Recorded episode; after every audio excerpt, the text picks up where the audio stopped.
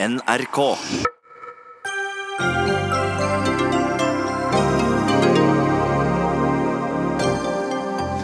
Fremskrittspartiet foreslår dobbelt straff i ett område, men vanlig i et annet. Målet er å ta knekken på gjengkriminelle, men hvordan i alle dager skal dette foregå i praksis? Opposisjonen i Venezuela varsler en snarlig maktovertagelse. Deler av militæret skal ha skiftet side, og en sentral opposisjonsleder er sluppet ut av fengsel. Munch skal til Saudi-Arabia, men ikke bilder som viser nakenhet. Og bildet kyss på stranden i måneskinn er blitt til på stranden. Munch-museet forsvarer det hele i Dagsnytt 18. Og den tredje statsmakt, domstolene, frykter en mister makten, for over 50 nemnder tar nå over flere og flere saker som tidligere gikk i rettsapparatet.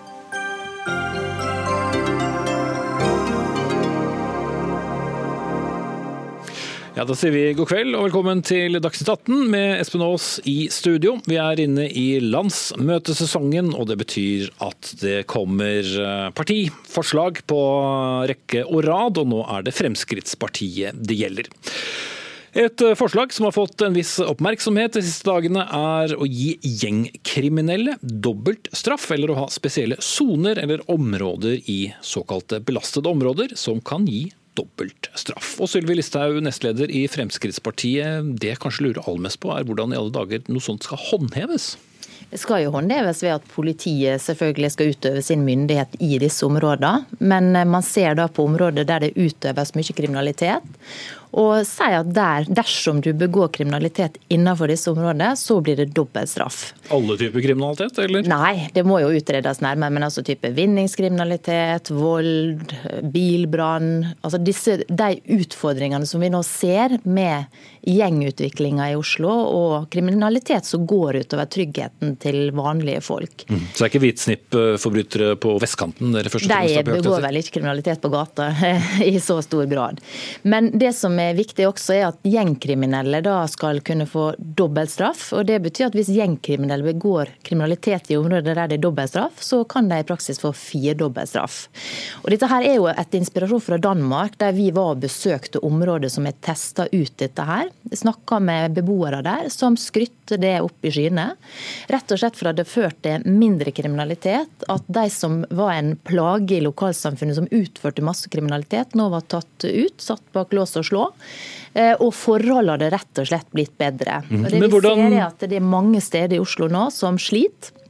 Og Da må vi ta vanlige innbyggere sin trygghet på alvor. Mm. Men hvis jeg har forstått det riktig, så har da Danmark testet dette ut i fem uker en gang, og en uke etterpå eh, et annet sted. Eh, hvor man mente det var en periode hvor det var mye kriminalitet, bl.a. med taler osv. som man fryktet kunne bli kriminalitet. Men hvordan måler man det? Nei, altså det, Du må jo ha en definisjon på hvilke områder som skal være der. Ut ifra hvor mye kriminalitet er der, hva er utfordringene. Jo, det skjønner jeg, men suksesskriteriet i, i Danmark? Nei, det var jo at de hadde fått da, tatt ut mange av de som var kriminelle i området. At de får strengere straffer, som betyr at de blir da tatt ut av miljøet i lengre tid.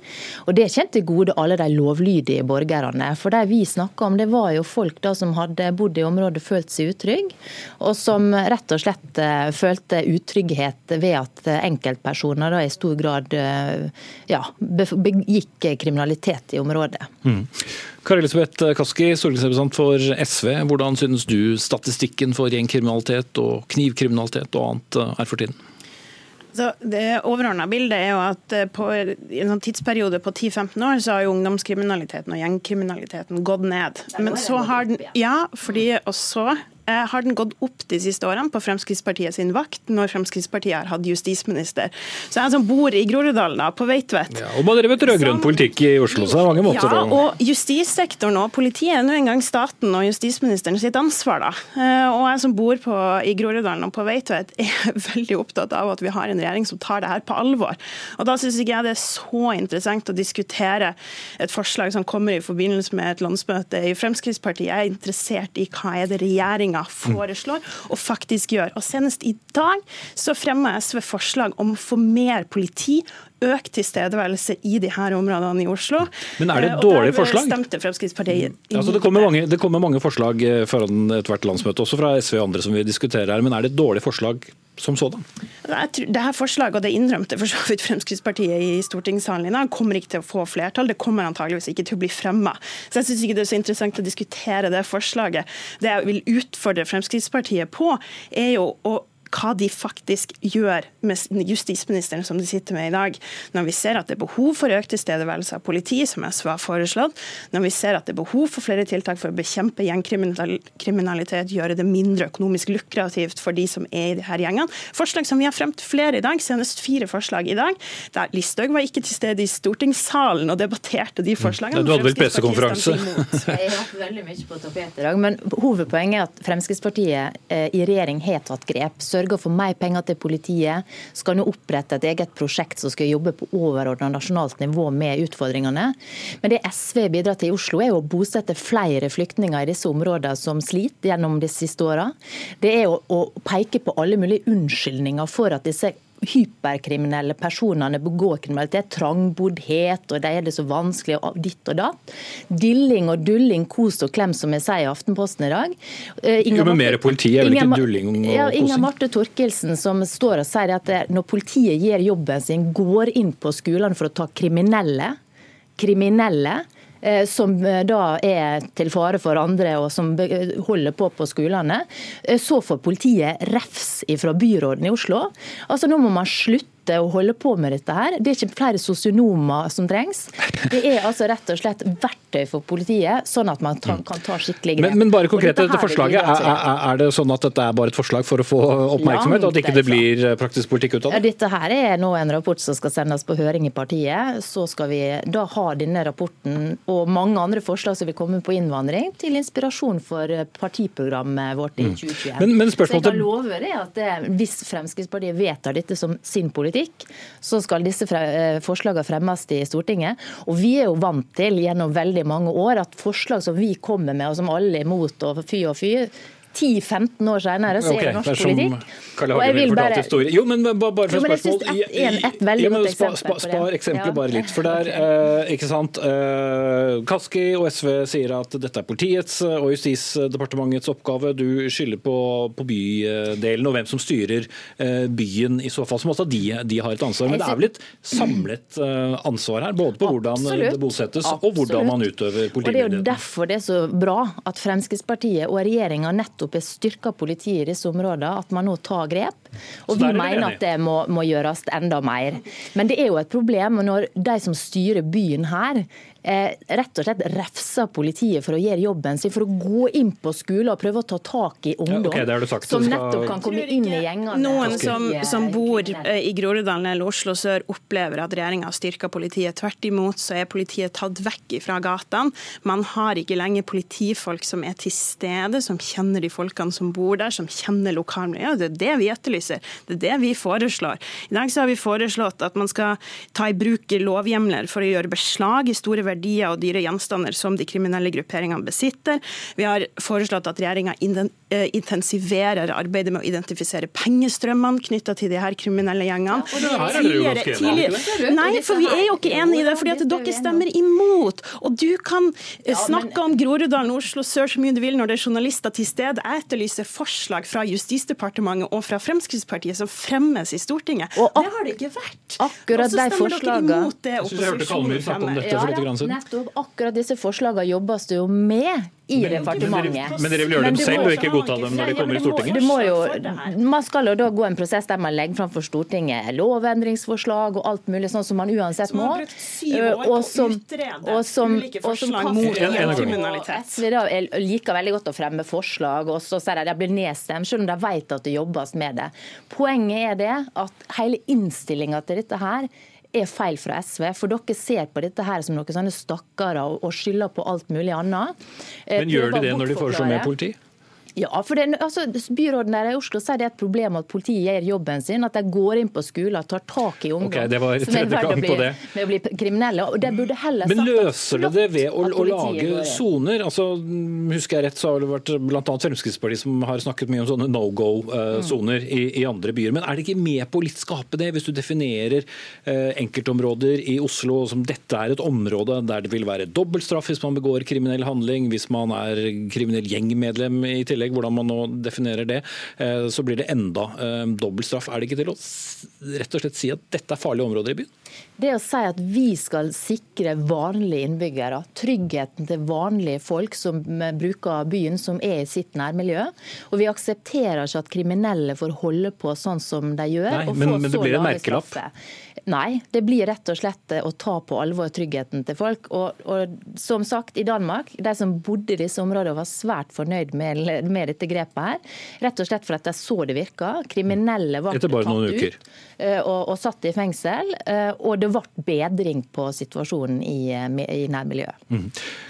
Kort til slutt, Kaske. Din løsning på gjengkriminaliteten er ikke å sette inn i soner, men, men hva da? Jeg tror folk i Oslo reagerer på den type klassejustis, egentlig. At det skal være mindre straff for å gjøre samme forbrytelse på Holmenkollen som i Holmlia. Det, det, er ikke rart at Fremskrittspartiet er på 3% Men vi har fremma fire forslag i dag, bl.a. identifisere pengestrømmer, mer politi som må være til stede i de her bydelene, gå løs på verdigjenstandene, eiendelene til de kriminelle. Ja, men dere ja. gjør det jo ikke! Og det er det vi det som det år med Okay, Da er vi enige om det. kom sju år òg. Eh, takk til Kari Lisbeth Rødt Kaski, stortingsrepresentant for SV, og Sylvi Listhaug, nestleder og stortingsrepresentant for Fremskrittspartiet.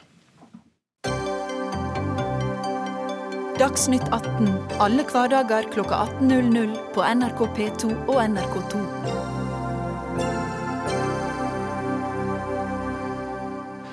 Så skal det handle om eh, politisk uro i Venezuela nok en gang. Opposisjonsleder Juan Guaidó har i dag oppfordret folk til å ta til gatene. I morgentimene på de eh, amerikanske kontinent så marsjerte han sammen med militære styrker, og hevder at deler av hæren nå støtter ham. Og han varsler en snarlig maktovertagelse. Samtidig er en annen opposisjonsleder, Leopoldo López, satt fri fra husarrest. Og president Nicolas Maduros regjering hevder det hele er et kuppforsøk. Og Vi skal nå til Caracas. Her er du, Knut Andreas Lid, programsjef i, Caritas. Eh, hvordan beskriver du det du ser der du er? Situasjonen i Caracas i dag, i de området vi holder til, er kaotisk. Jeg har nå utsikt rett mot militære flyplassen, der Guaidó annonserte at maktovertakelsen skulle, skulle komme. Her ser vi en kraftig røykutvikling. Er flere branner som er satt på. Vi hører uh, skarpe skudd blir avfyrt. Vi ser òg mot motorveien, som også ble tatt av opposisjonen. Der det ser ut som opposisjonen nå klarer å avansere, mens sikkerhetsstyrkene skyter med tåregass mot demonstrantene. Hva melder lokale medier, og samsvarer det med inntrykket?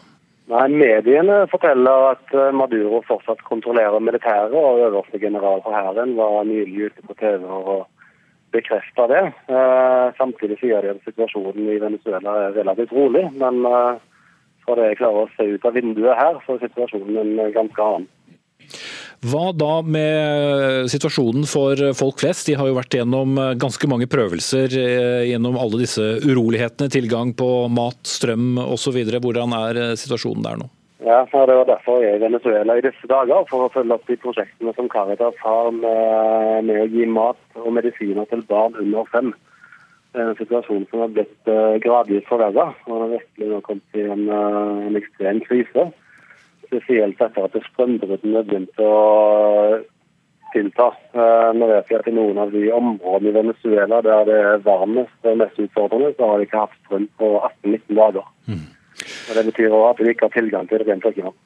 Takk for den rapporten, Knut Andreas Lid, programsjef eh, i Caritas. Og Anders Magnus, eh, vår korrespondent i Amerika. Du er nå i Washington, men var på reise i Venezuela for ikke så lang tid tilbake.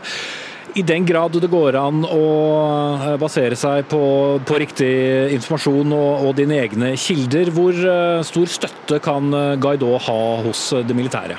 Ja, men jeg må først si det at Jeg har snakket med folk i Caracas i dag som for så vidt bekrefter det som Lid sier nå. Og vi skal huske på det at Mediene i Venezuela er i stor grad statskontrollert. Så man kan ikke stole på de rapporter som kommer i de offisielle mediene. Her er det bilder fra sosiale medier først og fremst man må ta fatt i. Og de viser at eh, det skytes med skarp mellom de soldatene som støtter Guaidó og de som støtter Maduro. Og det har også vært eh, situasjoner hvor de militære har forsøkt å kjøre ned demonstranter.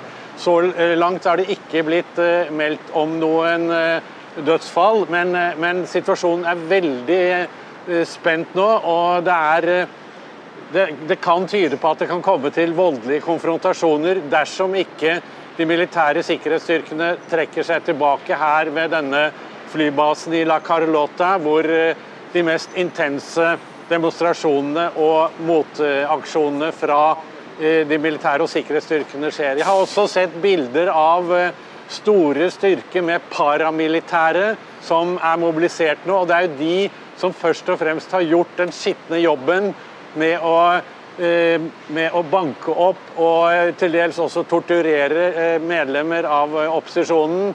Eh, de, de, sier at de er uavhengige, men det er ingen tvil om at de spiller på lag med regimet til Maduro. Mm. Du, spør, du, spør, om eh, støtten til eh, Guaidó. Foreløpig så er det yngre og en yngre soldater og offiserer som har støttet ham. Det er en liten gruppe med luftforsvarsstyrker som støtter Guaidó. Han har oppfordret alle til å støtte ham, men så langt så er det ikke meldt om at noen store Eh, militære kontingenter eller noen viktige eh, militære ledere har gått over på opposisjonens side. Men dette kan endre seg utover dagen i dag, og kanskje spesielt i morgen, hvis opposisjonen av Guaidó klarer å mobilisere eh, titusener på gatene i Caracas og andre steder i landet, slik de har lagt opp til. Mm. Benedicte Bøhl, professor ved Senter for utvikling og miljø ved Universitetet i Oslo, du er med meg her i studio. Ja, Det har jo ikke vært noen tvil om at det har vært spent, og mange forskjellige oppfatninger av hvem som egentlig har makten i Venezuela. Var dette noe vi bare måtte vente skulle komme? Ja, på en måte var det jo det. Det har jo ligget i kortene helt siden januar, da Juan Guaidó eh, ble utnevnt som president. Og han har på, på mange måter mistet litt av eh, den, eh, den, den voldsomme måte energien rundt hans kampanje i januar og februar. Jo, er jo liksom i ferd med å, å, ha vært litt utvant. Og da var det ikke så overraskende at det kom da et nytt forsøk. Og de sier jo at dette er bare et, et ledd til i samme planen. Men det er vel også ganske lett å tro at man har vært litt i villrede fordi man ikke klarte å oppnå det man ville i januar, og heller ikke ved de ulike aksjonene man har foretatt seg tidligere eh, senere. Mm. Og så er det jo spørsmålet hvor stor del av militæret som eh, er eh, lydige overfor hvem? Ja, og Det vet vi jo egentlig ingenting om. Eh, vi så bilder eh, tidligere i dag med Juan Guaidó og Leopoldo Lopez med flankert av militær og tanks, men om det var 10 eller om det var 50, om det er tusener de har støtta De hevder at de har støtte hos 99% av de militære. Eh, Nicolas Maduro sier han har total kontroll. Og Sannheten er nok et eller annet sted midt imellom, men i hvert fall så er det tydelig at det, denne her etterretningsorganisasjonen Sebin, som har vært mye fryktet av opposisjonen, nå er splittet. For det var de som som løslatte eh, Leopoldo Lopez. Mm. Ja, hvem er han, for nå har vi nevnt han et par ganger. Forklar mm. publikum vårt hvem uh, og hvorfor han er en viktig figur. Ja, eh, Leopoldo López har både vært den mest kontroversielle og tydeligste lederfiguren i opposisjonen eh, i mange mange år. Han er ganske radikal. Han har hele tiden gått for en, en, en linje altså Hele opposisjonen er enige om at de vil ha et regimeskifte, men de er ikke enige om metodene. Han har stått for de mer radikale metodene hele veien. Radikal på hvilken måte? Eh, at han ønsker Han har nok vært mer på altså at dette skal, kan også åpne for voldsbruk. Han ble fengslet fordi han oppfattet oppfordret til voldsbruk under demonstrasjoner i 2014. Han er jo også på en måte eh, den lederen til altså Juan Guaidó er mye yngre, han er i samme partiet, og mange oppfatter han som valpen til Leopoldo Lopez. Men Juan Guaidó har også en annen i hvert fall retorikk. Han har hele tiden snakket om en fredelig maktovertakelse. Så eh, Leopoldo Lopez han er en politisk fange og har fått veldig mye internasjonalt støtte etter det, men han er også en del av den tradisjonelle eliten i Venezuela, og det er ikke Juan Guaidó. Mm. Eh. eh Anders Magnus eh, i Washington, det var jo litt vanskelig for det internasjonale samfunn å helt enes om hva de skulle synes om det som skjedde i Venezuela tidligere i år. Hva slags reaksjoner har du fanget opp så langt? Det er jo svært mange land som støtter Juan Guaidós presidentskap. Blant dem er jo de svært mange i Sør-Amerika. og også USA og en rekke land i Europa. Så, så han har jo svært god internasjonal støtte, mens Maduro er jo støttet av Cuba og Russland, som er de viktigste støttespillerne hans. Men, men det er klart at når vi snakker om Leopoldo Lopez så når, Da jeg var der i januar, så var jo ikke han en person som folk flest på gaten eh, snakket mye om. Og det var jo nettopp fordi eh, Juan Guaidó overtok denne rollen som leder for opposisjonen og eh, midlertidig president, at eh, det ble skapt denne nye bølgen av folkelige demonstrasjoner. Så jeg tror at eh, Juan Guaidó fortsatt kommer til å lede eh, denne opposisjonskampanjen, men det er mer et symbol at Lopez nå er satt fri. Og hvis det indikerer en splittelse i de militære etterretningsstyrkene, så er jo det et godt tegn for opposisjonen og et dårlig tegn for Maduro. Mm. Men eh, det er vanskelig å si hvor mye støtte eh, Guaidó har eh, foreløpig. Dette må vi komme tilbake til. Mm. Kort til slutt, Benedicte Bull. Er det reell frykt for at dette kan bli blodig? Ja, Da jeg hørte eh, Guaidó eh, kalle hele folket, inkludert politi og militære, til å gå fredelig mot presidentpalasset, og Maduro invitere militser, som er en del av det militære apparatet på mange måter, og disse motorsykkelbandene til å forsvare presidentpalasset, da tenkte jeg at nå blir det blodbad.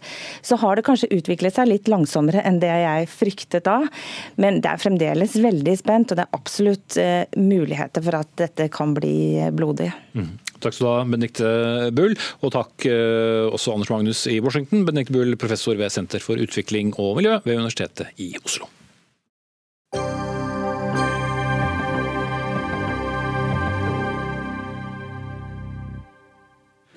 Om en drøy måned, nærmere bestemt den 5. juni, dukker noen av de aller mest kjente verkene til vår egen Edvard Munch opp i den saudi-arabiske ørkenen. Men ikke alle bilder er med. Nakenhet skal ikke vises frem, og det kjente bildet 'Kyss på stranden i måneskinn' har blitt hetende på stranden, kunne vi lese i Dagens Næringsliv denne uken. William Nygaard, forelegger, i et Facebook-innlegg så stiller du dermed spørsmål om hvorvidt dette er en sensurert utstilling.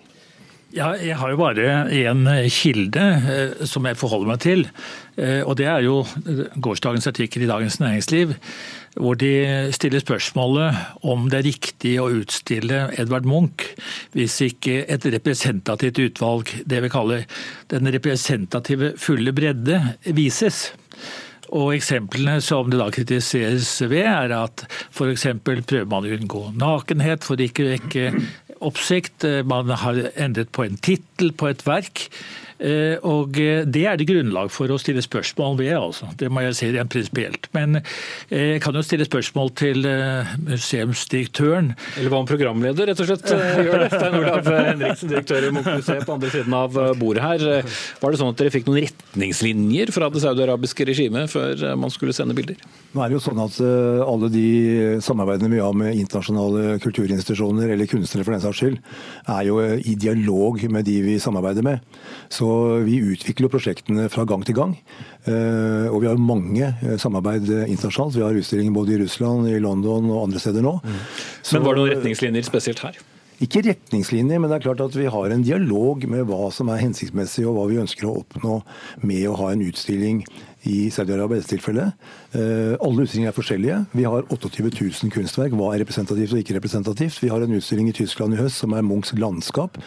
Eh, så vi har ikke tatt noe vekk, men vi viser Munch eh, i en kontekst og med et perspektiv som vi tenker kan kommunisere godt i, i dette miljøet. Mm. Så er det tilpasset et saudi-arabisk publikum? Du ville ikke tatt med pubertet, f.eks., som viser en naken ung kunne ja, tilpasset den forstand. For det første må vi følge lover og regler i de landene vi er i. For det andre så må vi jo utvikle prosjekter sammen med de institusjonene vi jobber sammen med. Men det er ikke sånn at vi har tatt noe vekk i den forstand at vi i alle tilfeller med alle kulturaktører rundt omkring i verden eh, sånn sett da, tilpasser eller skaper perspektiver som er interessante for begge parter. Ting som begge parter tenker er bra for sitt publikum. Mm, men du nevnte lovverk. Det er, ikke, er det lover om kunst i Saudi-Arabia? Nei, men bare nevnte det som Det er jo mange sider vi må diskutere, eller vurdere da, når vi skal ha et samarbeid i, i for så vidt andre land, eller her hjemme for den saks skyld. Og da er jo det en del av det. Mm. Men det å endre en tittel?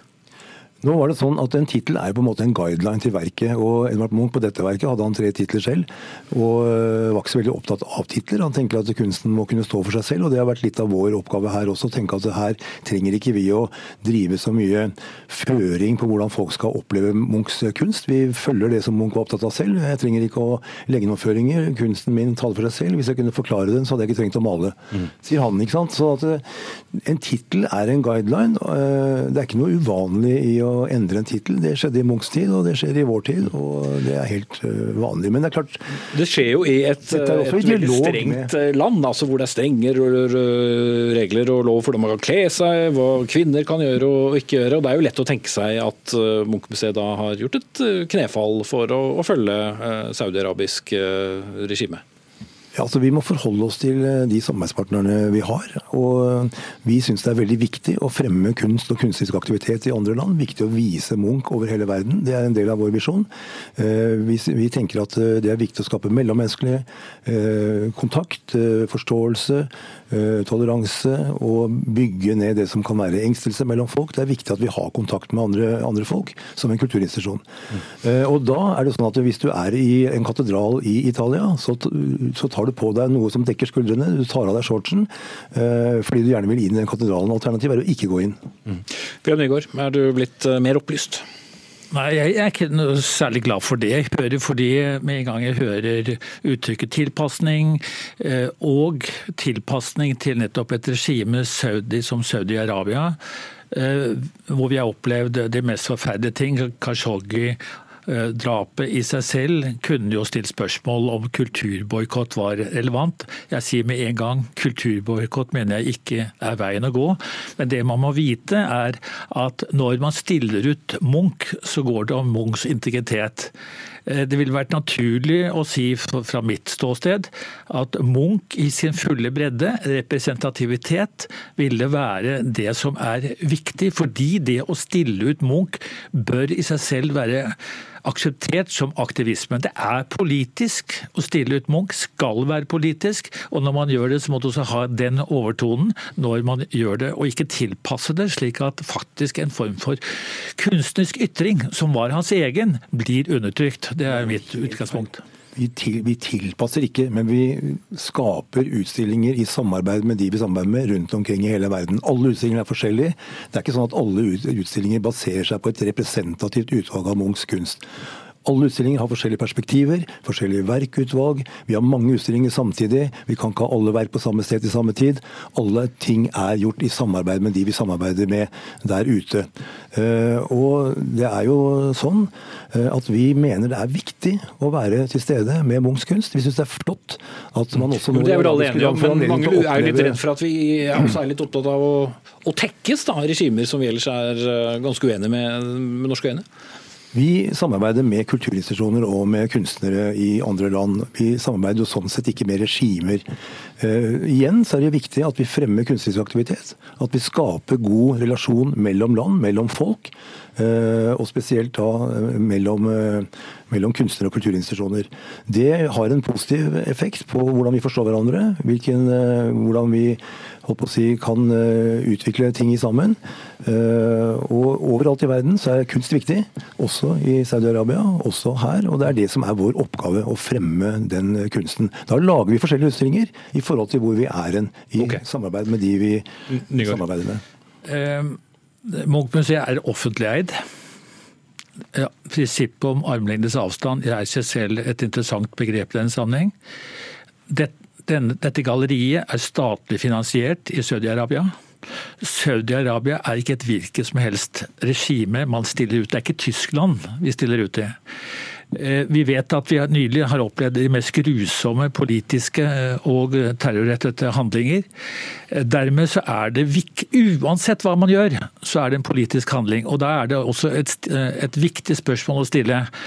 Er det ikke da i dialogens navn, som de bruker, jeg vil gjerne kanskje tilføye den kritiske dialogens navn, viktig at man viser hva man mener er faktisk kritisk undertrykkende i dette landet, ved å skape en utfordring om dialog, ved å vise nettopp disse sidene ved Munchs kunst som vi er mest stolte av, fordi den er aktivisme i seg selv som kunst. Mm. Ville vært for risikabelt? Vi er jo stolte av Munchs kunst i hele hans kunstneriske bredde. Jo, men ville vært for risikabelt? Skulle, hvis vi nå skulle, skulle Eh, si at eh, fordi eh, hvis vi ikke skulle bidra med å løfte kunstnerisk aktivitet, samarbeide med kunstnere og kulturinstitusjoner i land som ikke nødvendigvis deler våre verdier, og snu kunstnerne og kulturinstitusjonene i de landene ryggen, ja da snakker vi nettopp om boikott som, som, vi var enige om for et øyeblikk siden, ikke er noen vei å gå. Det vi kan gjøre som kulturinstitusjon, det er å skape åpne kanaler, forståelse mellom mennesker, mellom folk, og skape kunstnerisk aktivitet. Det mener vi er viktig, det er vår oppgave, og det er det vi gjør. Men da må vi kunne... For, ja, bare for å stille seg et spørsmål for tredje gang, da, ville det vært for risikabelt å, å ta med da, bilder med, med, nakenhet? altså Ting som normalt sett man ikke ville sett i Saudi-Arabia? Jeg har uh, ikke noe sånn detaljkunnskap om, om lovverket i Saudi-Arabia, men jeg vil i hvert fall si at det å gå inn med nakenhet, det, alternativet ville vært å ikke være der. Mm. Ja, altså er, er, det så viktig? Altså Munch er jo så mye mer i hvert fall enn en nakenhet. Uh, jeg jeg, jeg, jeg syns programlederen stilte et uh, viktig spørsmål innledningsvis. Før man reiser til et slikt regime, hvor mange vil si at kulturboikott ville være et alternativ. Jeg er imot det. Men da ville jeg i det minste, for ikke bli et offer for regimet, stilt krav i retningslinjer og avtaler på forhånd at dette er våre premisser for å komme til dette landet. Det er ikke et demokratisk samfunn, det er et samfunn som vi faktisk forakter politisk. Og det må også avspeile seg i, i den politiske handling som det er å lage enhver utstilling, er min oppfatning. Kort til slutt, Henriksen. Jeg er ikke uenig i det, men det er klart at vi har jo hatt en dialog. Vi har jo hatt en dialog rundt hvilke rammer vi Eh, tenker det er fornuftig å skape rundt dette samarbeidet. Så det er jo ikke slik at vi, at vi nå har overlatt alle vurderinger her til våre samarbeidspartnere, men det er en dialog mellom oss og den kulturinstitusjonen vi samarbeider med. Det vil det være i alle land, det er det også her. Og det er helt nødvendig for å få til prosjekter.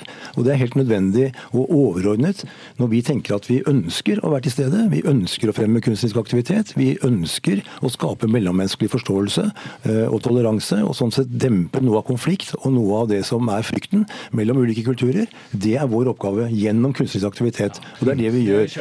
Og om det blir vellykket, det beklager jeg må bryte dere av, om det blir vellykket får vi da kanskje et slags svar på etter denne utstillingen som skjer altså om en drøy måned. Takk til Stein Olav Henriksen, direktør i Munch-museet, og William Nygaard, Nygaard forelegger. Takk for det.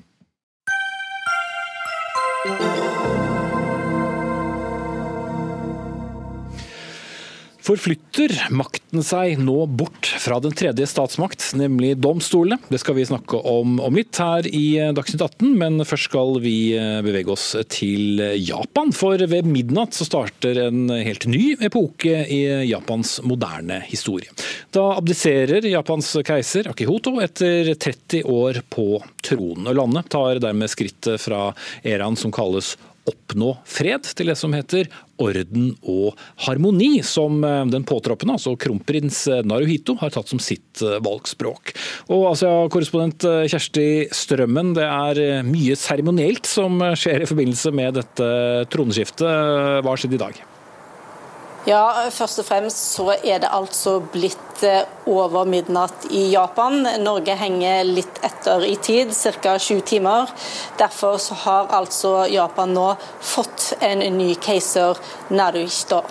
Så her har da en epoke slutt, og en ny tidsregning har begynt i Japan. Og eh, Før dette skjedde da, i løpet av eh, den siste dagen av keiser Akihistos styre, så var han innom flere hellige steder, bl.a.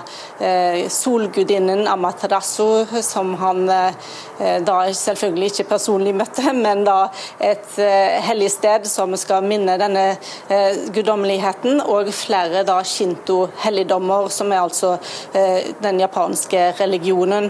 Og så har han da vært på en liten seremoni sammen med keiserinnen, der han har ytra sine siste ord som keiser. Der har en da lagt fram et sverd og eh, da eh, noen juveler og noen stempel som da skal overleveres til Naruishito i morgen. Dette er da overgangsseremonier, og i morgen så vil vi da se flere seremonier i Japan. Vil si at det er kun mannlige deler av keiserfamilien som får være til stede på den første seremonien. Heller ikke Naruhistos ektefelle, den altså nye keiserinnen, får være på den første seremonien. Men på den andre seremonien så skal også de kvinnelige medlemmene av keiserfamilien være til stede. Mm. Han har vært keiser i, 30 år, det er nå én ting, men altså første gang på 200 år at det er en abdikasjon. og Selv om dette har eh, vært eh, kjent, så har det vært eh, overraskende. Hvorfor, hvorfor skjedde dette? Ja, da er 85 år gammel, og han sa allerede i 2016 at han ønsket å abdisere fordi at han er blitt en gammel mann og fordi at helsa har svikta. Han har jo bl.a. hatt en bypass-operasjon og har hatt andre helseutfordringer.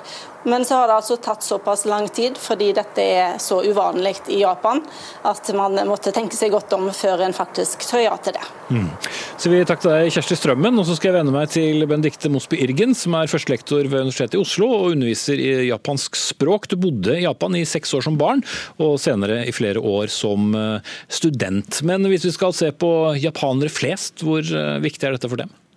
Eh, ja, nå hører jeg hjemme i Universitetet i Bergen og ikke i Oslo. Ja, det er noen som har skrevet eh, feil her. Det var jo derfor du var med fra Bergen, selvfølgelig. Da har vi rettet opp i det.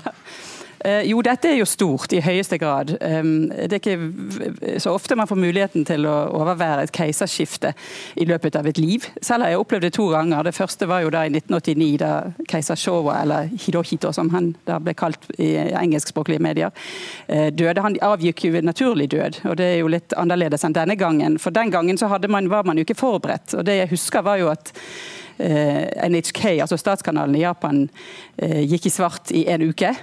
Og så kom han da og annonserte dette nye navnet som da heter Heisei, som nå da har vart i 30 år. Denne gangen så eh, har han jo abdisert, og det er jo eh, uvanlig. Det har skjedd tidligere i historien, men det er uvanlig. Men da har man fått sjansen til å forberede seg. Og det gjør jo også at eh, det er mindre sorg knyttet til dette. ikke sant? At man kan glede seg over det og feire det, på en måte som man da ikke kunne gjøre ved forrige skifte. Eh, så det, det, det, er stort, og skifter, man skifter tidsregning. Nå er det altså år én. Mm. Så det er ganske interessant å følge med på hvordan dette her eh, gjøres. Mm. Men hvor tett er da båndene mellom keiser og folk? Tett er kanskje ikke det rette ordet. Mm. Du kan si han keiseren som nå går av, abdiserer. Han er jo elsket og verdsatt av befolkningen, eh, men litt i kontrast til kanskje våre mer sånne folkelige europeiske kongehus, eller i hvert fall har de ønsket å fremstå som mer folkelige, så er jo den japanske keiserfamilien litt mer sånn opphøyd, litt fjernere. Det er noe veldig sånn Eh, sånn, eh, sånn, forfinet over de på mange måter. Eh, samtidig så er det en, vi må, Alt må ses i historisk kontekst. og Hvis vi går tilbake til den forrige keiseren, så var jo han enda mer fjern fra folket. og Det var mange som ikke hadde sett han engang før han trådte ned og, og viste seg for folk etter andre verdenskrig var slutt. Mens denne keiseren har jo beveget seg rundt blant folk, særlig i forbindelse med disse naturkatastrofene som det har vært en god del av opp gjennom disse 30 årene. Så har han og hans kone, keiseren Mitsko da, reist rundt til evakueringssentre og gymsaler hvor folk sitter etter disse katastrofene og snakket med dem og vist omtanke til dem, på en måte som hans far ikke ville gjort. Eh, så alt er relativt, men kanskje tettere nå enn det var ved forrige skifte. Men eh, så er det jo en videre arverekkefølge, og kvinner kan da ikke, ifølge japansk lov, arve denne keisertronen. Der er det en liten utfordring. Det stemmer. Um, og da er det altså sånn at uh, de altså Han som nå går av, han har jo uh, to sønner. De har da giftet seg. Uh, og så fikk de først bare jenter. Så det var tre altså sønnedøtre. Og Dermed så oppsto det en situasjon der man måtte vurdere om man kanskje skulle endre på lovene og gjøre det mulig for en av den eldste av disse til å ta over tronen. Og Det ble diskutert, det ble omtalt, og det kom, om ikke lovforslag, så kom det et stykke på vei dette. Men så kommer da den yngste sønnen og, og hans kone og får en sønn. Og dermed så stilnet debatten totalt. Mm. Så nå så da blir det en, nevø som i så fall um, blir neste uh, arving, hvis ikke lovverket skulle endres? Det er riktig. Han mm. som nå da blir uh, keiser, hans nevø er den som er neste i arverekken. Mm. Takk skal du ha, Benedicte Mosby Irgens, førstelektor ved Universitetet i Bergen altså, og underviser i, i, i japansk språk. Kjell Magne Bondevik, du sitter sammen med meg i studio og var statsminister da keiser Akihito besøkte Norge i 2005, og en av få nordmenn som har hatt samtaler med ham. Ja, Hva kan du si om ham? Han ga et inntrykk av å være veldig vennlig, varm person, men samtidig majestetisk. og Det syns jeg var en, eh, en, fin kombinasjon. Så han var en god samtalepartner. Sånn mm. som vi husker det nå. Mm. Men uh, vi husker jo, det er ikke så mange år siden, men jøye meg, det er 14. Uh, hva var rammen rundt dette besøket? For han var jo flere steder. Det var, han, det var jo et offisielt statsbesøk. Det var på en tid da vår konge var sykemeldt.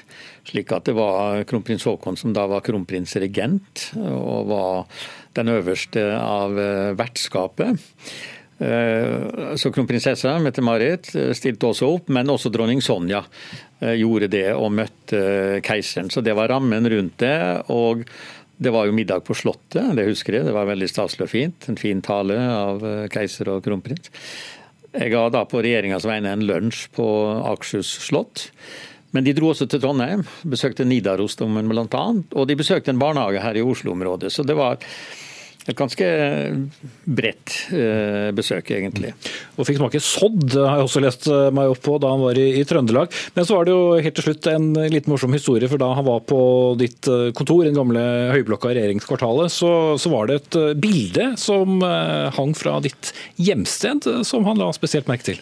Ja, fra Molde. Og det viser seg at keiseren hadde jo vært på Nordvestlandet under tidligere besøk i Norge. Så han dro kjensel på naturen, og da fikk jo en gjeng til å fortelle fra mine hjemtrakter. Ja. Nå blir det altså ny, eller har blitt rett og slett en ny keiser, siden det har blitt en ny dag i Japan. Så vi får se om det blir en ny kurs der. Takk skal du ha, Kjell Magne Bondevik, tidligere statsminister. Hør Dagsnytt 18 når du vil. Radio NRK Radio.nrk.no.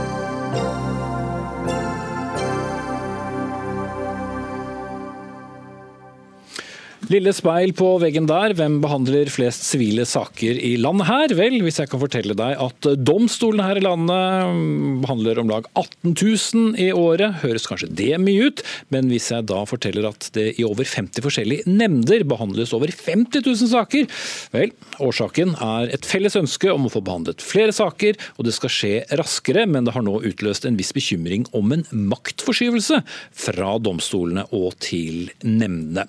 Og Solveig Moen, du er avdelingsdirektør i Domstoladministrasjonen og med oss fra Trondheim. Hva slags eh, bekymring har dere? Nei, Vi ser jo at eh, det stadig har blitt flere nemnder. Det er jo 54 til sammen nå. Og bare det siste året så har vi fått to nye eh, eh, emner som skal inn i nemnder. Og da er jo spørsmålet om det er en utvikling som vi ønsker. Og det vi stiller spørsmål om, det er om vi ikke nå burde ha satt oss ned og sett dette her i et litt mer overordna perspektiv, for å se eh, om dette her er den veien vi skal gå for å behandle saker raskt og effektivt. Mm. Men Går det utover rettssikkerheten? Eh, ikke nødvendigvis, men vi har jo eh, vi har jo, eh, Politikerne har jo gjort også andre tiltak for å imøtekomme eh, borgerne sitt ønske om en rask og effektiv behandling. Vi har jo også forliksrådene som behandler, og de behandler 200 000 saker i året. Og det også var ut ifra et ønske om en rask og effektiv behandling. I tillegg så man, fikk man den eh, endringa i tvisteloven i 2005, hvor da også fra politisk hold var et ønske om å prøve å imøtekomme en raskere og mer effektiv behandling i domstolen. Mm, men bare for å være konkret, hva er, det vi taper, hva er det vi taper på dette, eventuelt? Det vi kan ta på, altså at domstolene eh, skal være gode på, vi er jo generalister. Vi skal jo ha et overblikk, og vi skal se eh, rettsutviklinga i sammenheng. Mens nemndene er veldig spissa på det de skal, som er temaet deres. Så kanskje mister vi det overblikket, se ting i sammenheng, og at det får en rettsutvikling innenfor et område som du da ikke får den overordna prøvinga i domstolssystemet. Mm. Da vil vi gå til politikerne. da. Torkil Omland, statssekretær i Justisdepartementet. Vi er altså oppe i 54 nemnder, hvis jeg husker tallet er riktig. Utlendingsnemnda er aller størst. I tillegg har vi forliksråd, og vi har domstoler. Hvor går man hen med en sak i Norge? Først har jeg lyst til å si at Det er jo ikke noen sånn eksplosiv utvikling. Vi hadde, vi hadde 52 nemnder i 2014, altså for fem år siden. Nå er det kommet to til. Eh, sånn at det er ikke noe, det er ikke noe eksplosiv utvikling i dette. Eh, og så tror jeg vi skal huske på at eh, mange av disse nemndene er jo mer klageorganet enn det er tvisteløsning. Eh, og Det betyr at man ikke har tatt ting ut fra domstolene, for de sakene vil ikke ligge til domstolene uansett. De vil ligge til forvaltningen. Eh, og Dermed så det, mener jeg at det er en fornuftig måte å, å behandle klagesaker på. Hvis du tar et, et, eksempel som er oppe i Utlendingsnemnda, eh, som behandler det vel, rundt 10 000 saker i fjor, som er den største av disse nemndene. Det, ikke, det ble jo ikke tatt ut av domstolene den ble opprettet, det ble tatt ut av forvaltningen av departementet. Så dette er et supplement til domstolene? Ja, altså det er, men det er ulike typer nemnder. Når du har 54 stykker, så er det veldig ulik karakter på det. og Noen har mer karakter av tvisteløsning. Eh, og Der kan man alltid ha en diskusjon på hvor det er fornuftig at eh, sakene løses. Eh, og, det, er si det, det, å ha denne diskusjonen som jeg etterlyser, det tror jeg er nyttig. Mm.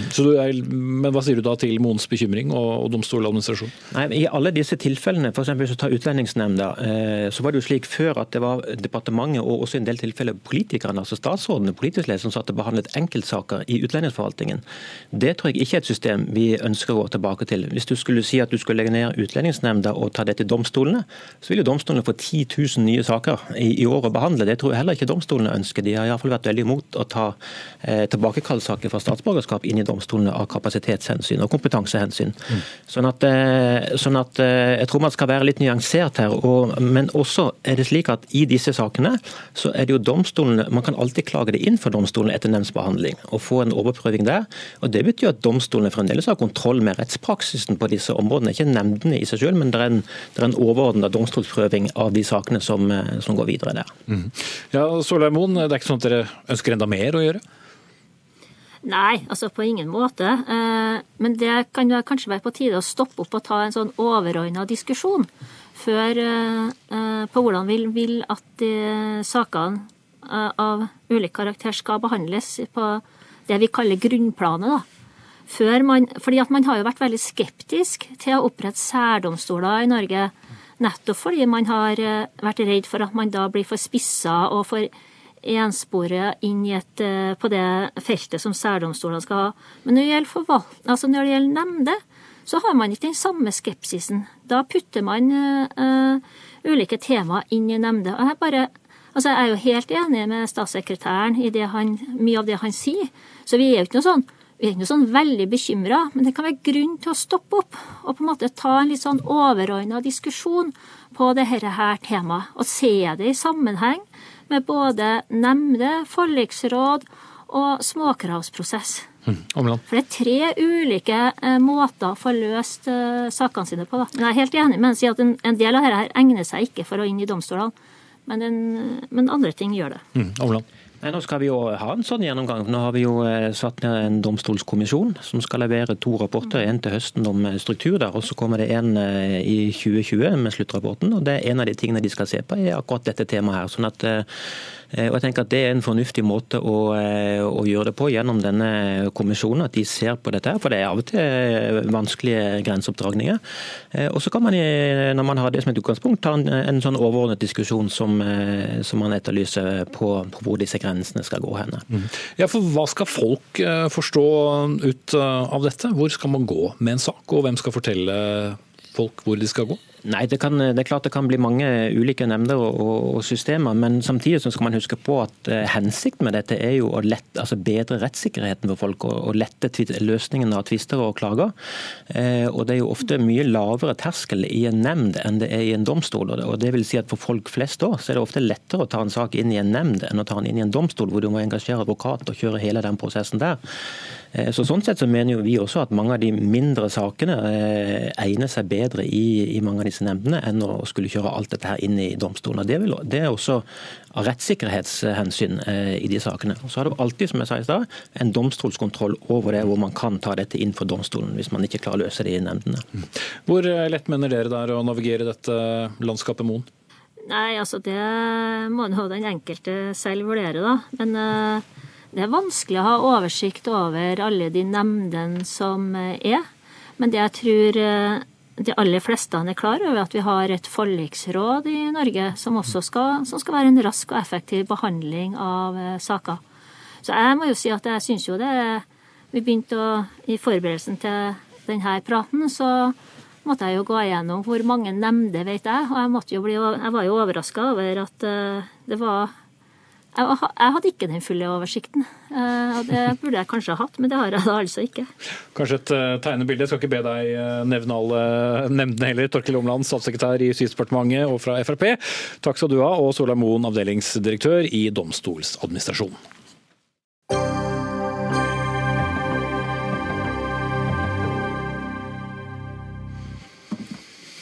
Er det riktig å markedsføre norsk natur i Kina og andre markeder langt unna oss, slik at enda flere reiser kloden rundt med fly? Nei, mener Den norske turistforening. Det var Nasjonen som først omtalte saken, og at Turistforeningen ikke vil markedsføre tilbud i Kina og andre områder som, som krever svært lange flyreiser, og dermed altså økte klimautslipp. Og Dag Terje Klarp Solvang, du er generalsekretær i Norske Turistforening. Ja, hvor er grensen for langt unna? Egentlig nå om dagen? Nei, det finnes vel ingen grense for hvor langt man kan reise. Det det, det handler om, er hvilke klimaavtrykk vi setter når vi er turist. Eh, DNT har i 150 år, nå 151 faktisk, holdt på med reiseliv for, for, de som er nær. Altså for det nære å ta vare på naturen vår. og Det betyr også noe i forhold til klimaavtrykket du setter. Så du kan, Reiser du langveis fra oss, får du i hvert fall være noen dager, sånn at uh, fotavtrykket ditt blir så lite som mulig. Det er det dette handler om. Det handler ikke om nasjonaliteter eller noen grenser. Det handler om å ha en klima klimabevisst holdning til hva reiseliv er. For da klarer vi å ta vare på det fantastiske naturmangfoldet og den naturen vi faktisk har i dette landet, mm. og globalt. Ja, Så dere vil fortsatt eh, ta imot også utenlandske eh, gjester på, på hyttene deres. Men hvordan skal vi forvalte noe sånt? Nei, altså For vår del, dette er jo for DNT sin del, så har vi sagt at våre produkt, våre betjente anlegg i alt hovedsak, det er det som er interessant for eh, innkommende turismer. turister, er at de ikke skal markedsføres ut mot de oversjøiske markedet. Og så vil man jo, og Det er en holdning vi tar, for vi sier alle må gjøre sitt, og da kan vi gjøre noe der. Men så er det jo sånn at internett er nå en gang kommet for å bli, og sosiale medier det er der. Så hvis en turist tar bilde på, på et av våre hytter og deler det med sine venner i hjemlandet, det har vi ingen interesse av å begrense. Poenget er at vi kan si aktivt nei til at våre produkter blir en del av det som får oversjøisk marked til å komme til Norge. Og så vet vi det at det vil komme uansett. Vi er en liten del av reiselivet. Eh, men vi kan ta vårt standpunkt, våre eh, standpunkter på det. Og så skal vi ta vel imot de som kommer. Men vi skal ikke lokke dem for mye, er det sånn å forstå? da? Nei, vi ønsker jo ikke å være det som lokker de, da. Mm. Ja, Bente Bratland Holm, reiselivsdirektør i Innovasjon eh, Norge. Det har vært en del medieomtale om dette, bl.a. Aftenposten som skriver at dere har brukt 3 millioner kroner på å profilere Norge som reisemål i, i nettopp eh, Kina. Så mm. hvorfor er det så viktig å få dem hit? Eh, Kina, eller Det er ikke så viktig å, å få så mange hit. Det som, det som, vi bruker de midlene vi er inne i Kina med, det er å prøve å styre det. og prøve å tiltrekke oss de gjestene som vi ønsker å ha her. For det, det er et veldig hardt, eh, raskt voksende marked, spesielt i Kina. Om noen år så vil hver fjerde turist i verden komme fra Kina. og Da kan vi velge å enten være passiv eh, og ta imot det vi får. Det tror vi ikke er lurt, for da forsterker det det allerede eksisterende markedsmønsteret om at de vil komme på sommeren, de vil kjøre i buss, de vil bo billig, de vil bare se istedenfor å investere. Og det.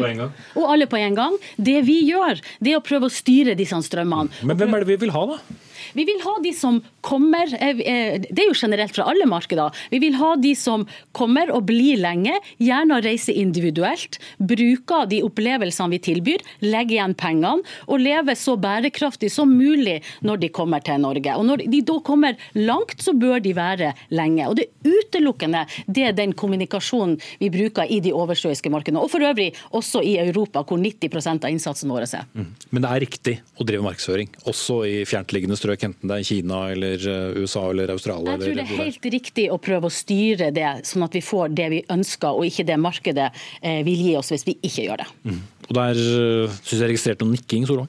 Ja, altså, Innovasjon Norge og, og, og, Visit Norway er jo helt klart nøkkelen til at vi klarer å regulere dette. For ellers er det fritt frem for alle. Så selv om vi sier at våre produkter ikke behøver å markedsføres, så tror jeg det er enormt viktig at man har en bevisst holdning til hvilke eh, turister man vil ha. Og 93% av de som kommer til dette landet, kommer jo fra Europa og er, er innenlandsturisme. Eh, og det er jo kjempeviktig. De vil jo vi fortsatt veldig gjerne ha. Og, og dette eh, veikart for bærekraft i reiselivet, som, som, vi var sammen om å lage for to år siden, og som nå er tatt videre av to departement, sier jo akkurat dette. Reiselivet må bli mer karbonnøytralt. Eh, bærekraft er kjempeviktig. Da tar vi vår del av det. Men uh, Holm, er det sånn å forstå at uh, vi bryr oss ikke så mye om hvordan de har da reist hit? Når dere tenker på bærekraft, så er det hva de gjør når de først har landet på flyplassen og kommet? Ja, nå er det jo sånn at Jeg kan ikke beslutte, eller Innovasjon Norge kan ikke bestemme hvem som skal sette opp flyrute. De vil settes opp. Markedskreftene rår her. Og det er en etterspørsel uavhengig av det vi gjør, men vi kan være med å påvirke hvem som sitter i setene. Og det er jo det vi, vi, vi anerkjenner jo at det er et stort problem med utslipp. Så, og vi anerkjenner jo, og vi ser jo også at folk vil komme uansett. Så da er det jo viktig at vi sørger for at de som vi ønsker skal komme, får vite at Norge har dette å tilby som vi ønsker å tilby dem. Mm. Hvem, hvem er det vi ikke ønsker skal komme, egentlig? Om noen? Vi ønsker ikke de som vil rase innom her og være i to dager og se på, eh, istedenfor å være her lenge, eh, bruke naturen med så lite avtrykk som mulig, eh, delta på konserter, festivaler, kunstutstilling, kjøpe lokal mat osv. Men da må vi ut og fortelle verden at vi har det som et alternativ. For det har vi ikke vært for flinke å gjøre de siste 50 årene. Mm. Men eh, for å være litt konkret da, turisthytta Gjendesheimen i Jotunheimen var uh, Gjendesheim heter det faktisk. I Jotunheim var heimen var et av reisemålene som da ble rettet mot eh, kinesiske turister. Men da de forsøkte å trekke dette fra markedsføringen, så var det ikke så lett. Nei, altså det er jo 2019 så er nok alt mulig, eh, så man skal få det til. Men jeg opplever vel at de tallene som Visit Norway gir oss, eh, ikke er skremmende i forhold til hvor mange som har sett på dette produktet, altså denne markedsføringen, ut i det kinesiske markedet. Men vårt ønske er at det ikke eksisterer, for det er ikke noe grunn til at våre produkter skal være med å, tiltrekke den, det segmentet. da. Eh, men det er ikke noe stort problem, dette egentlig. Det har vært oversatt. Det slutter vi med. Eh, og så er det hvor mange som har sett det. Der har vel du noen oppdaterte tall? Ja, det er hele 60, ja. ja så de kunne hatt med seg to kontrabasser dersom de kjørte fra Danmark, kanskje. Men eh, Ikke fjellet med kontrabass. Nei, overhodet ikke. Men på Høybroplass derimot. Men eh, for å komme tilbake til, eh, til poenget. Altså, eh, man vil oppleve andre ting. Eh, og selvfølgelig norsk fjellheim. Særlig hvis du da kommer fra Beijing eller en annen eh, storby det vil jo bli en utfordring etter hvert som flotte Instagram-bilder og Facebook-bilder og hva vet vel jeg eh, sprer seg utover verden. Kan vi på noen måte regulere det? Jeg tror verden blir mer og mer global, og det betyr også noe for reiselivsmønsteret og at det kommer flere nasjonaliteter. De, det som skal være, i hvert fall være helt klart fra, fra, DNT sin side, er at de som kommer, er hjertelig velkommen, og de skal bli tatt godt hånd om, alle sammen. Helt uavhengig av nasjonalitet. Men det er den aktive rollen vi tar. Det er jo litt sånn som all annen klimapolitikk. altså vi må, Alt må endres. Ingen skal leve sånn som de har levd. Da kan vi også gjøre noe i forhold til dette. Eh, og det, det opplever jeg at man gjør. Det er ikke bare vi som tenker disse tankene tankene. Og så må vi ta godt vare på de som kommer. Men hvis vi da klarer å begrense noe eh, flommen av det som kommer, da, så kan vi også sørge for at det blir mindre klimautslipp og det blir en bedre verden. Mm. Vi lar det være siste ord. Takk skal du ha, Dag Terje Klarp Solvang, generalsekretær i Den norske turistforening, og Bente Bratland Holm, reiselivsdirektør for Innovasjon Norge. Minner om debatten på NRK1 i kveld med Fredrik Solvang. Der handler det om SAS-streiken. Dere som planlegger å samles på Valen eller et annet egnet sted i morgen, men frykter å miste Dagsnytt 18, vel, vi tar også pause frem til torsdag, så vi eh, sier på gjensyn til da. Ansvarlig for denne sendingen, Dag Dørum. Teknisk ansvarlig Hans Ole Hummelvold. Jeg heter Espen Aas.